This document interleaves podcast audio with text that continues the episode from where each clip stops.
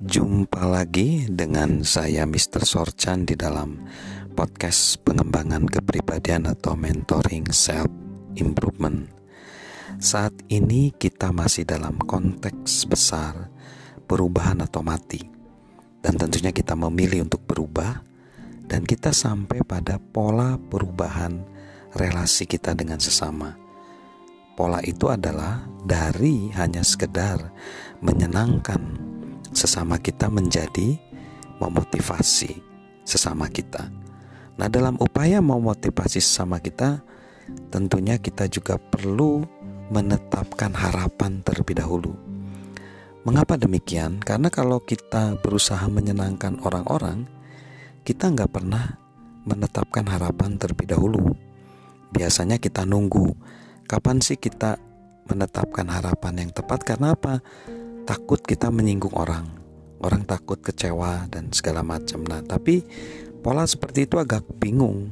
Ketika nanti keadaan sulit kita jadi nggak bisa uh, mengendalikan keadaan itu. Jadi pola menetapkan uh, harapan terlebih dahulu itu sebenarnya memiliki banyak manfaat. Lebih dahulu uh, kita menjadi proaktif ya jadi seperti ini lebih dahulu memberikan penghargaan akan menambahkan nilai ke dalam diri seseorang serta meningkatkan nilai kebersamaan. Lebih dahulu menetapkan harapan akan meningkatkan nilai setiap pertemuan. Semakin cepat saya menetapkan harapan, semakin efisien dan efektif pertemuan tersebut. Lebih dahulu mengajukan pertanyaan merupakan cara tercepat bagi orang-orang untuk saling memahami serta meningkatkan nilai kebersamaan.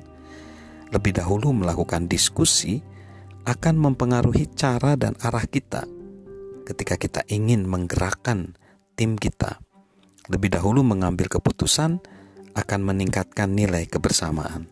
Jadi intinya, bertindak lebih dahulu itu membuat kita bisa lebih baik ya. Dan itu adalah proaktif. Kita uh, selalu menjadi pribadi yang yang ya memotivasi orang. Bukan hanya menyenangkan orang kita memberikan tantangan. Karena dalam konteks kita ingin melakukan perubahan.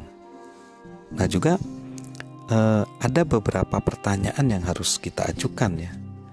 Uh, apa harapan kita atas interaksi kita? Itu perlu kita tanyakan Ketika kita berbicara dengan seseorang, kita selalu meminta orang tersebut untuk lebih dahulu berbicara. Tindakan ini tidak hanya sopan tapi juga cerdas.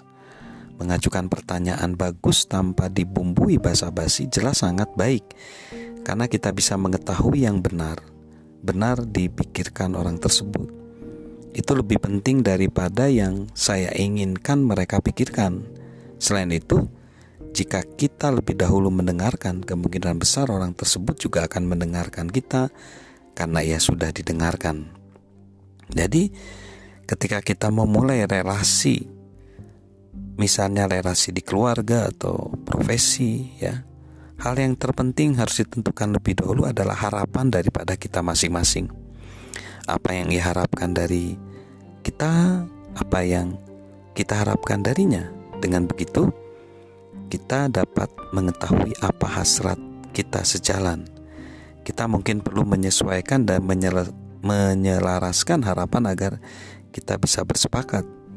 Dan jika kita adalah pemimpin dalam relasi tersebut semakin baik, kita mengetahui seseorang semakin kita tahu cara untuk memimpinnya. Ya, jadi pertanyaan-pertanyaan itu penting ya untuk menggali supaya kita bisa perubahan itu bisa bareng-bareng bersama-sama dalam kelompok komunitas atau lingkungan. Salam perubahan dari saya Mr. You